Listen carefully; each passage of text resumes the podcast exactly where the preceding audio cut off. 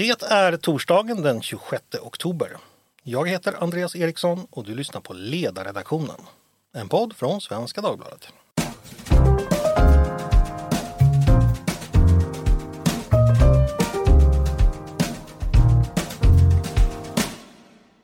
Varmt välkomna tillbaks till oss igen.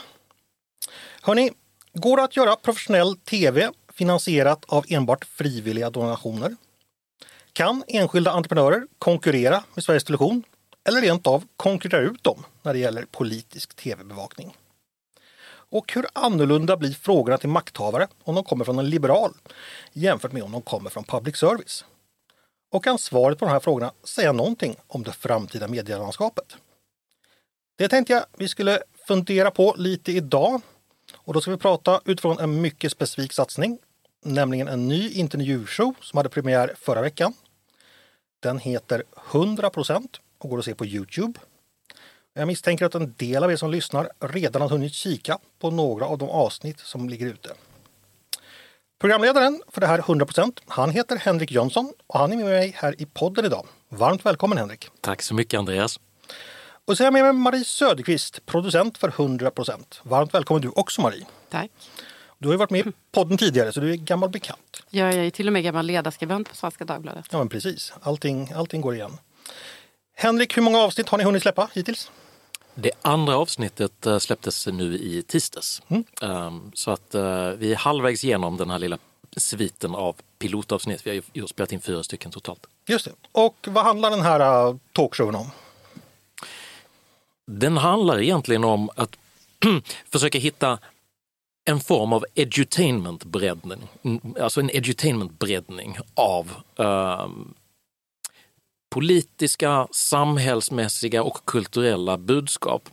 Så att vi, vi har ju försökt hitta ett sätt att väva in underhållningsinslag med eh, matiga intervjuer som inte är nödvändigtvis konfrontativa utan snarare nyfiket prövande. Som ett sätt att erbjuda en annan vinkel. Kan man säga att det är ett liberalt Skavlan? Jag blir lite glad när du säger det, för vi hade Skavlan lite som förebild. Alltså, Ja. Det ska komma nya personer och sätta sig i soffan. Det ska vara Och intressanta så får folk flytta ut ett steg där den nya kommer. Ja, statsministern tvingade vi inte att flytta. Det kom vi okej. fram till gemensamt att statsministern flyttar man inte på i soffan. Nej, men bara så folk ska fatta vad det här om man inte har tittat på det. Jag tyckte det var ganska likt Skavlan. Det är ju en talkshow helt enkelt. Ja, det, det är jättekul att du, om, om du tycker att vi liksom nådde de visuella målen för att den är ju extremt snygg, Skavlans. Ja, ja, ja men, men jag tänker konceptmässigt. Ni, ni, det var jättefint ni också, men bara så, så lyssnarna har, har koll. Eh, Marie, Skavlan med husband. Skavlan, ja, har Skavlan inget husband? Det kanske han inte har. Nej.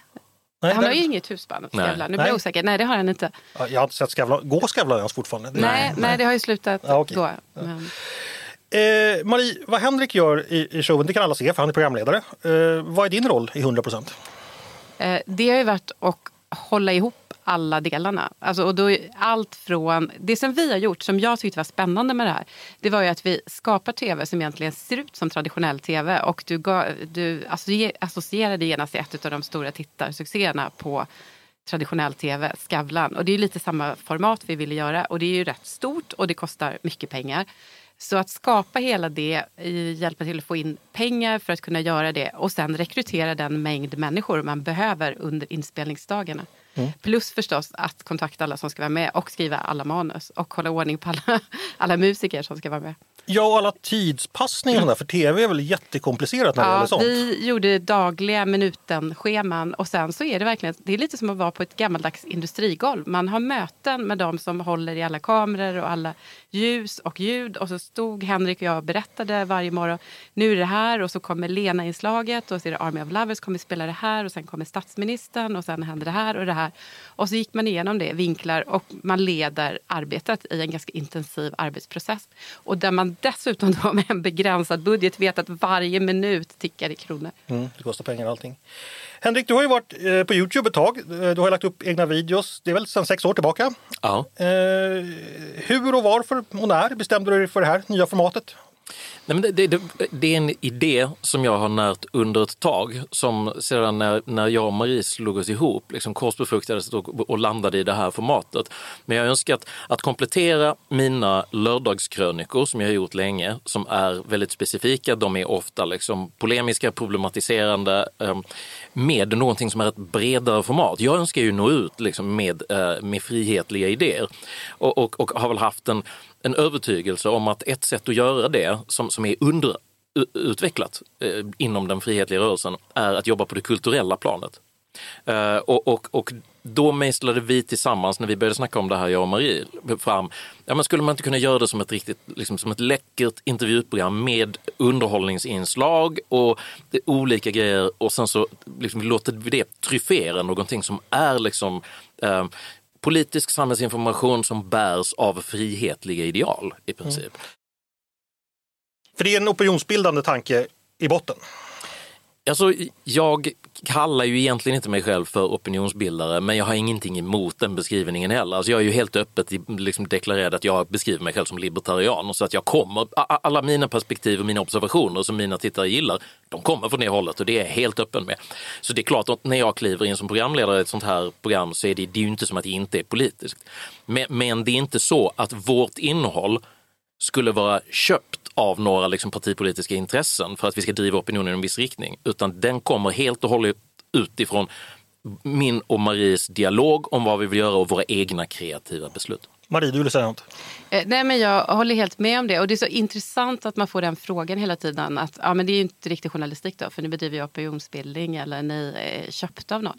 Det är klart att det inte Fast det var inte det jag menade alls. Men det ska nej, nej, nej, ja, men vad bra. Men för annars, det har ju dykt upp på sina håll eh, eh, eh andra journalister som har sett det och då är det ju den, det ifrågasättandet som mm. kommer därifrån. För jag, skulle säga, det, jag kan tycka att vi på många sätt är mycket ärligare än annan journalistik. Ingen mm. kan tveka om vad Henrik tycker eftersom han är sex år har basunerat ut det ganska effektivt. Även om det var ett tag sedan jag slutade så jag jobbade förutom att jag satt på Svenska Dagbladets ledarredaktion jobbade jag i tio år och hade blå klänning på mig för jag var liksom blå. Den blåa kronikören mot den röda kronikören som hade röd klänning på sig. Så vi, har ju, vi är väldigt tydligt varudeklarerade. Mm. Och det ger ju en ärlighet tycker jag i det hela som är lite annorlunda också. Ja absolut, men opinionsjournalistik finns det något som heter så det är inga mm. konstigheter att journalistik, det här vi ägnar oss ut, som jag ägnar mig åt nu, det är mm. opinionsjournalistik. Ja. Eh, jag tycker som jag tycker, sen använder jag mig av vissa journalistiska arbetsmetoder ibland. Mm. Sådär. Eh, Henrik? Ja, men säg, säg så här, om man ska göra en, eh, en, en, metafor från tidningsvärlden så skulle man kunna likna mina lördagskrönikor vid ledartexter och programformatet som vi har tagit fram vid men mer typ kulturdelen i en tidning som, som både kan vara bredare och innehålla andra element. Mm.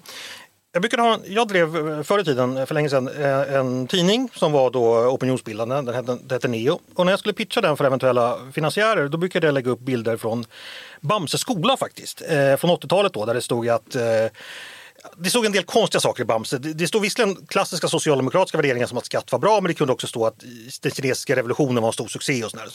Så då frågade jag så här, hur, hur, hur, hur, kunde man liksom få barn att läsa det här som var en socialdemokratisk propaganda helt enkelt. Jo, och så vände jag blad. För att nästa serie handlade om att man besegrade en trollkarl eller en drake eller var ute med sjörövarskepp. För Rune Andreasson, hans stora idol var dels Tage Erlander, socialdemokraten. Den andra var Walt Disney. Han visste att berätta historier, han visste att gjorde den, han gjorde den bästa svenska barntidningen någonsin. Mm. Och då kunde man stå ut med lite Bamseskola där och då, här och där. Och det är lite det tanken jag kan få kring det här med att bedriva, ja men klä vad man tycker men man gör det man, man, man står för vad man tycker men man gör sin tv jävligt väl. Det är så ja, jag Det ska ju vara roligt. Alltså, ja, propaganda, tråkig propaganda är det värsta. Nej, man, man vill ha trollkarlar och man vill ha mm. vulkanutbrott och ja. drakar. Förstår du vad jag menar Henrik? Ja, ja. Alltså, jag, förlåt för jag avbryter det men det är väl exakt det du gör i dina lördagsintervjuer. De är, jag tycker att de är någon ledarsidestexter korsade med en serietidning. Alltså det, ja, men det, det är, så här, det är bang, boom, drakar som kommer in och olika elefanter. Ha, ha, sen... Har du drakar i? Just, det finns, jag har gjort så många filmer så det kan säkert finnas en drake med. Men, ja, men, men dinosaurier har det ju funnits med lång svans i någon utav dem. Ja, men ja. jo precis. Och, och, jag menar, det, det, du är ute efter här det är ju att det är ju ett media rich format som jag gör. Så att jag kommunicerar med alla, alla sinnen, ljudeffekter och bilder och grafik och klipp från videokällor och, och sådär. Just för att upprätthålla och engagera tittarna som ska ta sig igenom någonting som annars kanske är en ganska både torr och komplex diskurs. Mm. Nu har ni testat på det här formatet. Var det fyra program ni hade gjort? Eh, Och alla är inspelade då i förväg av kostnadsskäl. eh, ja, och ni ska sammanfatta den här upplevelsen. Hur var det? Kort med en mening eller ett ord rent av. Eh, Det var otroligt roligt och väldigt utmanande. Henrik? Ja, jag skulle säga att det- var succé med, med mer smak, men det kräver en mycket stor eh, arbetsinsats att göra broadcast eh, level tv. Får man avkastning på den? Givet, här sitter vi tre personer i ett rum och pratar eh, podd. Vi har eh, stackars Jesper som ska få klippa det här efteråt. Det är inte jättehöga kostnader vi drar. Vi kan ändå få ut det till ganska många människor. Får man liksom avkastning på alla de här studiomännen och, och vad Marie måste slita med och alla förberedelser och allting? Vad, vad tror du? Alltså i nuläget så är ju det här pilotavsnitt som vi har gjort. För vi vill testa om vi kunde. Och det ska också sägas att Marie har ju varit ledande och drivande här i någonting som jag tycker är värdefullt. Vi har kämpat med det här båda två. Och det är att bygga kunskap rörande hur producerar man broadcast. För att vi är inte inifrån systemet. Men det gör ju också att vårt utanförskapsperspektiv innebär att vi har kunnat vara lite spretigare och lite knasigare och folk har gillat det där. För att jag- det, det går nog att banta ner alltså de kostnaderna i produktionen. Men låt mig bara återkomma. Det, det, det, det omedelbara svaret är ju nej, i nuläget får vi inte tillbaka de pengarna för det kostar för mycket. Däremot, ja, det går att göra det här och vi tror att det nog går att hitta en finansieringsmodell som gör att det, är långsiktigt möjligt att, att bedriva den här typen av media. Marie, vad säger du? ROI på liksom det här extremt dyra program medieformatet? Jo, men det tror jag. Jag tror ju att man måste hitta personer som är villiga att finansiera eh, till en början med. Som ser poängen med att bygga upp en kanal eh, på Youtube, eventuellt senare kanske en egen som man äger själv, en egen sajt. Men där man har många tittare och där man kan kommunicera värden som människor som eh, då är borgerliga eller frihetliga uppskattar och vill titta på. Vi tänkte lite så här också, vi vill göra som public service fast lite Alice i Underlandet. All, väldigt många är borgerliga och så har man ett vänsteralibi. Om man har jobbat i opinionsbildningsjournalistiken har man ju hur många gånger som helst varit den enda eh, tydliga högerpersonen med sju andra vänstermänniskor. Och allt man säger uppfattas som lite apart och lite konstigt och man känner sig sämre och sämre till mots när man står där och ingen applåderar och alla kollar konstigt på en. Och ibland får man till och med dricka sitt kaffe själv. Vi vill göra tvärtom, fast vara trevliga även mot våra vänsteralibi. Nej, vi drack med honom, men det var en riktig vänsterperson bland resten högerpersoner. Då. Man vet ju den klassiska morgonsoffan som den såg ut. Det var en höger, en vänster, sen en mitten som råkade vara Birger Schlaug och sen var det en program, programledare som var vänster så det var alltid tre mot en. Ja. Marie, vad kostar de här fyra avsnitten? Ja, men, eh, man ska ju sällan avslöja siffror helt och hållet. Men ungefär Ni börjar en- lära er branschen snabbt. hör. Ja, eh, 1,2 miljoner ungefär. Och då har vi ju inte räknat in våra arbeten Nej. eller någonting. Utan det vi har köpt, teknik, ljus, scenografi för. 300 000 per avsnitt alltså. Ja. Eh, har ni någon aning om hur de produktionskostnaderna står sig mot SVTs exempelvis? Eh, jag fick höra någonstans, och det är ju inte 100% verifierat, men ett avsnitt av Skavlan kostar 1,7 miljoner. Plus hans inte helt oansenliga arvode. Nej, det tillkommer också förstås. Så vi hade då 1,24 avsnitt utan något arvode alls för oss. Ja, jag, jag, jag tror man kan... Man, man, precis. Vi kunde det- dela på Skavlans arvode. men, men, men jag tror det, det, det är fair to säga att produktionskostnaden för det värdet som vi har fått ut nu ligger nog rimligen någonstans mellan en åttondel och en niondel av liksom vad kostnaden för program som public service köper in. Vem finansierade då? Alltså det är huvudsakligen finansierat av privatpersoner och helt frivilliga donationer på samma sätt som mina normala filmer är. Men sedan så har vi pratat med människor vi känner som har lite stålar och bara pitchat idén. Skulle inte det här vara kul? Och så, så, det är mest enskilda personer. Men sen så har Marie, du är vd för en tankesmedja. Jag är vd för Epi som både har fått eh, finansiering från en hel del företag som vi jobbar med kring hållbarhetsfrågor och eh, kring folkhälsofrågor och som också när det startade utav Kristoffer Fjellner som är gammal moderat eh, e EU-parlamentariker fick en del pengar från Timbro. Och eh, vi har jobbat med det och stoppat in en del pengar i som en del av vårt sätt att kommunicera våra frågor på nya sätt. Och vi har ju annars podd och rapporter och riksdagsseminarier. De mer traditionella sätten att eh, prata om våra frågor. Så det här var ett experiment för oss. Eh, dels att bli mer synliga men också så här, kan man hitta nya forum för då traditionella och oftast ganska tråkiga tankesmedier. Hur många har ni kollat på de första avsnitten? Eller första avsnittet som har legat ut ett tag?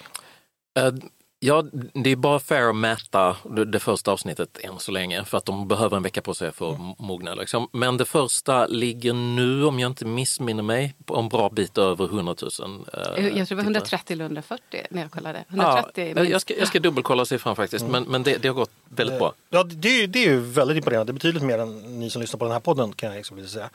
Men det roliga med den tyckte jag också, jag har ju 125 000 Var det 125? nu. Ja. Eh, jag har jobbat som konsult tidigare och inte minst jobbat med politiska frågor då i valrörelser och sådär. Där det har handlat mycket om hur får man människor engagerade, hur får man dem att tycka och sådär. där. Det här programmet då, förutom att det var 70-80 000 som hade tittat på det redan de första två dagarna så har ju vi ett AI som har analyserat programmet och som man kan prata med efteråt. Efter fyra timmar gick AI ner för det var så många människor som ville ställa politiska frågor till eh, AI. Och i den här chatten efter programmet så tror jag det är över tusen kommentarer där människor har tyckt och tänkt om politik. Alltså om en konsult hade lyckats skapa det här så hade alla politiska partier varit helt lyriska. Ett program som skapar så stort intresse, får så många tittare och får människor att vilja diskutera politik. Det, det är så här, hade jag som komchef lagt ner 1,2 miljoner på det, då hade jag verkligen tyckt att jag hade fått bra ersättning för pengarna. Ja, och det här var ju bara första avsnittet. 300 000 och du får liksom tusentals människor som kommer, eh, kommenterar och ett AI som lägger av av överbelastning. Ja, 300 000, det är inte så jävla många seniorkonsulttimmar du får på det. Nej, det är det jag säger. Vi har skapat en så här, och det, jag har ju alltså redan fått massa mejl från politiker som bara, eh, vi har sett det här, har ni redan spelat in alla? Annars har vi en bra politiker att erbjuda er ett program. Så det är klart att, att jag tror att personer på vår sida i det politiska livet fattar vad det går att göra. Ja, men det är ju också det är så symptomatiskt för att det här är ju en interaktionsmässig succé får man Mm. säga för att vi har väldigt hög engagemangsgrad. Alltså folk skriver jättemycket och det är trådar om oss överallt på, på nätet. Liksom. Ja, till och med på Flashback har jag hittat världens mest skumma tråd om 100 procent. Ja. Ja, Man ska inte underskatta Flashback när det gäller spridning kan jag säga. Nej. Men, men, men jag menar samtidigt som vi har liksom alla de här tittarna och folk som, som tycker att majoriteten tycker att Åh, liksom, det här var ball och, och vi, vi hoppas det kommer mer. Så har vi samtidigt då liksom så här, folk som kommer från liksom public service-sfären och från den allmänna vänstern som är liksom nästan förutsägbara, nä, nä, nästan komiskt negativa. Så alltså, det finns ingenting som är bra, användbart eller meningsfullt eller ens värdigt med att, med att försöka göra den här ansatsen. Så, och det är ju Alltså det är ju kul. Alltså de, de, då är ju, det är ju ett, en hedersbetygelse på att vi gör rätt helt enkelt. Ja, ja, det, det är det bästa man kan få. Ja, framförallt P3-klubben eh, som ju då också är ett sånt här väldigt eh, ett kreddigt program eh, på P3. Ja, men jag gillar, jag har soft spot, jag tycker de är kul. Också. ja, men jag, ja, jo, Jag ska de- erkänna, jag har inte lyssnat men men jag kan tänka mig. Ja. Ja, men du kan fatta precis vad det är för typ av program. Och eh, de, hade ju då, de ägnade ett helt program åt, åt den här showen. Så att det säger ju också en del att det, det går ingen förbi. Och de gav det två ploppar av fem. Fast det stämde inte riktigt. Om man lyssnar noga på det så borde de gett det tre eller fyra faktiskt. Alltså, de försökte såga det men de kunde inte riktigt. Jag misstänker att vad heter han, eh, Johannes Klenell snart kommer vara i publiken och sitta och lyssna och skriva ett jättelångt reportage om hur fruktansvärt det här är. För det, ja. Ja, men jag tror de har redan gjort det lite grann. De har en podd som heter Kommentariatet. Ja, där okej. sågar de det ju direkt. Ja. Ja, de, de, så, men, men du vet en lågintensiv sågning, liksom. det, det, det är mest som att höra någon som så fiser väldigt långsamt och länge. Så. De det? Ungefär vad du håller på med just nu. Eh, hörni, jag ska ta bort lite konkreta frågor för jag, jag är ganska nyfiken på det här. Jag har ju själv varit i olika mediasvängar. Eh, Marie, hittar man folk som spelar in? Finns det färdiga liksom, inspelningsteam man kan hyra in eller får man plocka in det? Eller hur funkar det? Ja och nej kan man väl säga. Vi, alltså jag gjorde rätt grundlig research och eh, gick igenom hela vänskapsboken och kollade alla som hade jobbat på produktionsbolag och sådär och ringde och fick reda på olika. Så dels jobbade vi i Filmhuset där de ju har stora studios där man spelar in Let's Dance och Filip och Fredrik spelar in där. Och där kan man liksom hyra, NEP heter de, och då får man eh, själva tekniken, alltså kamerorna och, och ljuset. För det är ju grymt imponerande. Det. Så, för kamerorna de rör ju sig som på Mello liksom, och sådär. Liksom, alla Ja, alla det- sådana grejer. Ja, men det liksom. är ju en sån eh, Kran, kamera. en, Ja. en kamerakran. Mm, mm. Och där kände jag att jag lämnade över lite till Henrik som är barnsligt förtjust i olika typer av tekniska lösningar. Och det var väl ett krav för att du skulle vara programledare. Du skulle ha en krankamera. Jag vill absolut ha en krankamera för att det ser ju så fantastiskt ut med, med, med latituden. Liksom. En kamera som sveper in och jag ville ha publik i studion. Jag, jag ville göra det hela alltihop så att det, det ser ut som ett riktigt program för att åtminstone testa om det, om det gick att, att göra det. Och, och alla tyckte ju att att det var lite nuts, för de, de var liksom så här, ja men vilken kanal ska det här sändas på? Nej men det ska gå på min YouTube-kanal. Ja, Så första gången så var- jag där utan Henrik tror jag, som satt med konstiga lurar nere i Skåne och pratade jättemycket skånska. Jag bara, nej det är vi två som gör det här programmet och vi, nej vi har inga pengar. kan vi sänka priserna lite? Men det, vet du, det ser ju jättebra ut. Och, och ni som inte har se- sett den, eh, gå in och kika. Ja, man skriver väl in Henrik Jönsson på Youtube helt enkelt så dyker det Du, upp nu, där. nu ska jag skryta. Gå in på Youtube och skriv Henrik. Henrik, okej. eh, För det, det är liksom kamerasvängningarna, det ser ut som Mello, det ser ut som Skavlan. Det ser jättebra ut. Och jag blir så glad när du säger det. Alltså, vi har slitit så för att få ihop det här. Ja. Hörrni, jag ska prata lite mer innehåll också. För första gästen, det var ju inte någon mindre än Ulf Kristersson, statsministern. Eh, Marie, var det svårt att få honom eller hade du bra ingångar? Alltså, jag tror att Henrik var nog den som hade eh, eh, träffat eh, Ulf senast också och gjort en jättebra intervju med honom. Så det var faktiskt du som ringde Ulfs stab. Vi, vi, vi drog in varsin minister. Du, Ja, du, du, du kirrade kulturministern. Ja. Eh, men, men jag var ju hemma hos eh, Ulf och Birgitta i, i slutet av valrörelsen och gjorde en hemma hos-intervju där jag lagade mat tillsammans med Ulf Kristersson. Eh, så efter det så har vi haft lite, lite kontakt. Vad så, lagade ni för mat? Alltså jag tror det var vad kött, stek, potatis med en tzatziki-sallad till eh, och, och sen så drack vi ett glas rödtjut till eh, och, och han hade en väldigt söt och pimpinett litet saltkar med en pytteliten sked i. Så här. Alltså, och- Och det blir kul, det blir kul med det och det var, det var trevligt. Saltkorv ska inte underskattas. Nej. Hade han några krav? Ville han ha frågor på förhand eller något sånt där? Nej, de, de var supercoola att Mm. jobba med. När jag hörde av mig och pitchade idén för en av hans eh, medarbetare så tyckte de så att de, de, de gillar det jag gör eh, rent generellt. Och det enda jag sa det är så att det vi vill göra här är nyfiket, varmt eh, och resonerande. Vi, vi kommer inte att försöka sätta dit våra gäster. Och det spelar ingen roll. Jag skulle jättegärna vilja sätta Magdalena Andersson i den där studion i ett av programmen. Och jag skulle säga samma sak. Jag kommer inte att vara ute efter att sätta dit någon, utan vi vill ha ett prövande, utforskande samtal istället där, där folk kan slappna av lite så de vet att okej, jag måste inte vara i försvarsläge hela tiden, utan vi kan ha ett samtal om, ja men hur är det, om, om, säg att man hade Magdalena Andersson, då hade man ju velat fråga så här, hur känns det att gå från att vara statsminister till oppositionsledare? Liksom, berätta hur, hur, hur den transitionen känns. Är det smärtsamt? Den typen av mjukare frågor finner jag ibland vara en språngbräda till mer intima och lite mer öppna resonemang som jag tror att det är många som vill lyssna på. Det här är jätteintressant. För att, nu, nu ska jag hoppa lite i mina frågor. För att, eh, en av den här sidans medarbetare heter Fredrik Johansson. Jag misstänker att åtminstone du känner honom, Ja. Marie. Marie. Oh, men det gör jag. jag, jag han är fantastisk. Eh, han skrev så här på Facebook, jag ska citera honom. Eh, om 100 procent. Det jag slås av är ändå hur den mer traditionella journalistiken väldigt sällan lyckas med det som samtalet ändå lyckas med, alltså ditt samtal med Ulf. Att få deltagarna att säga något intressant och föra resonemang. Jag tror att tittarna lärde sig något om hur de här två personerna och deras funktioner resonerar och vilka avvägningar man gör. Jag skulle säga att Jönsson på detta sätt fick Kristersson att säga saker som var höggradigt politiskt intressanta och som jag inte har hört honom säga i andra sammanhang. Men gud vad glad jag blir. Av, Det hade du hört. så- Du hade nej, nej. inte, vilket fint omdöme. Ja, för det är något, du började prata om eh, makt med Ulf, det är ju liksom temat. Och så säger Ulf nå- någon gång så här, Ulf, jag är inte Ulf, Ulf. Statsministern säger så här, eh, vi, får strunt, vi får delvis gå emot hela den svenska förvaltningstraditionen när vi stiftar snabba lagar, för det är, det är fara i bäcken nu och sånt där. Liksom. Just det. Och det är egentligen sjukt intressant att statsministern ändå gör en sån reflektion. Mm. Det hade han kanske inte gjort ifall någon på SVT hade sagt så här, går ni inte emot den hela den svenska förvaltningstraditionen nu? Ja, nej, ja, nej. Ja. Eh, ni förstår. Och jag menar, det finns ju så mycket där får av du det fram där. någonting med det. Ja, men- ja, men det finns ju... Och det- jag blir superglad för det här, för detta var ju precis vad jag och Marie ville göra. Att vi ville skapa ett rum för någonting som är lite, där, folk kan chilla ner en smula och börja resonera runt saker och ting. För att jag menar, hur, hur många partiledardebatter ser man där de har liksom satt någon jäkla klocka på dem? Så här, nu får du en ganska tuff fråga liksom, och du har 30 sekunder på dig så ska du leverera en soundbite och sen så sitter de ju och pluggar in med sin stab, liksom, alla de här grejerna så att de säger det som papegojor. Och man har hört alla de där grejerna en miljon gånger. Men jag tror att det är många ute i valmanskåren, vanligt folk, som vill förstå lite grann om ja, men vad är det här för en person? Vad driver honom? Vad är hans syn på det rent liksom, idémässiga planet med syftet med politik och sin egen roll? Vad tänker du om det här Marie?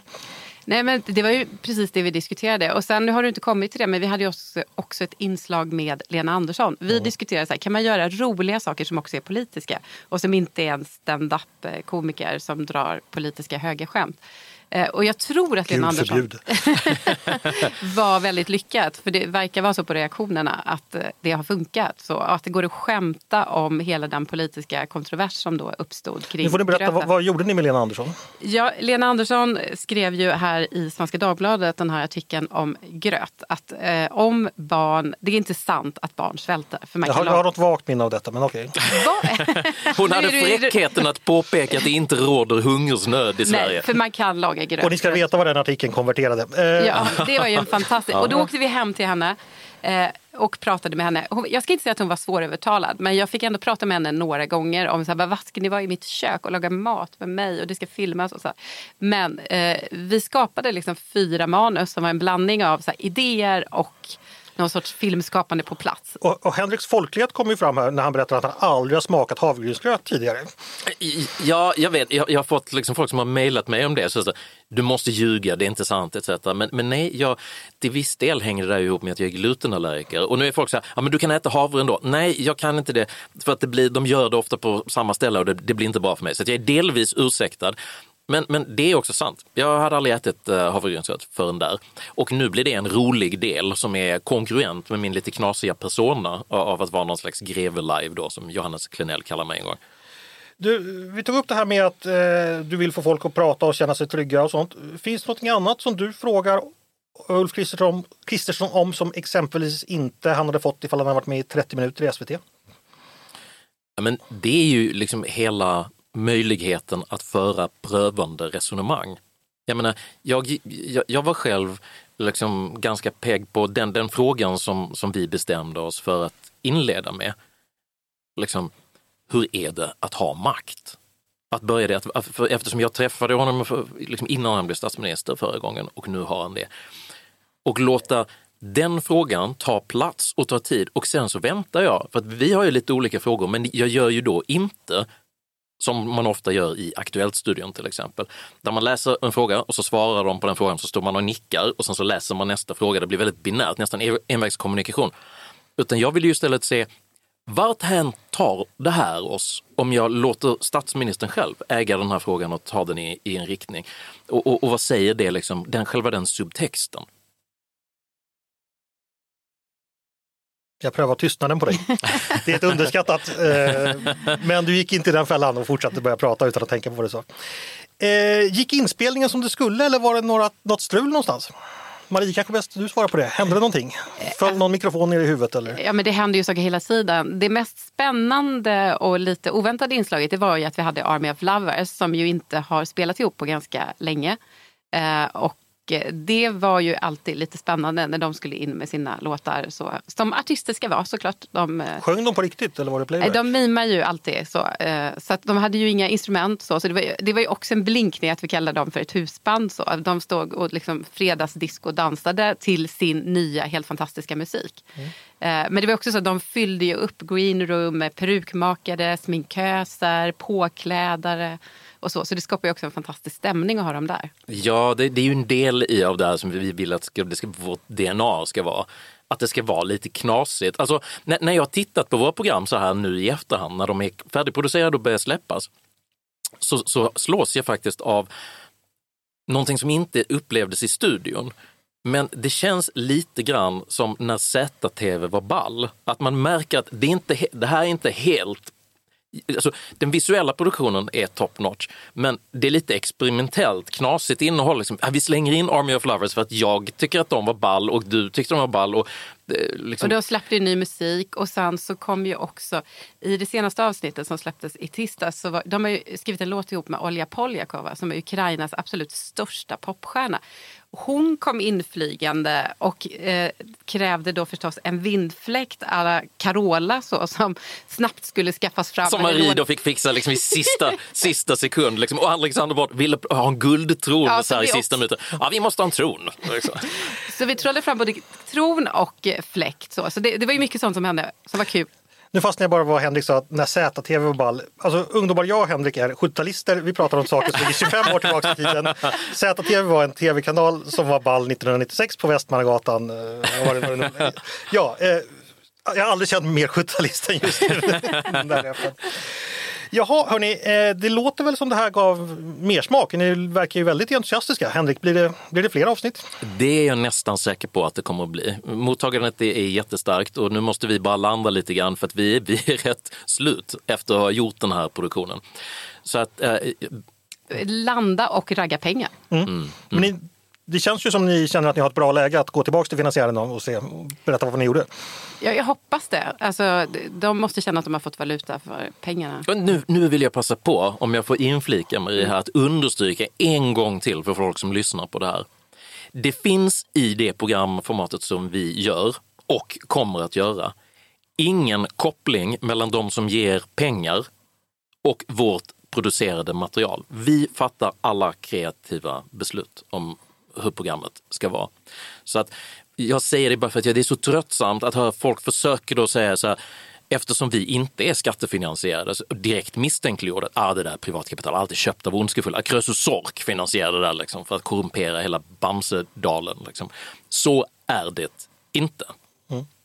Det visar ju hur effektivt Rune var när han smög in Bamses skola där med att Krösus är den som köper. Ja, precis. Eh, jaha, eh, jo en fråga till Henrik. När du intervjuar folk som tycker hyggligt som du gör politiskt. Hur, själv tenderar jag att bli hårdare mot sådana. Framförallt om, de är, om det är ett ansvarsutkrävande. Eh, du är ingen politiker så jag är inte hård mot dig men jag skulle vara det mot en minister. Har du lockats att gå i den fällan eller eh, känns det?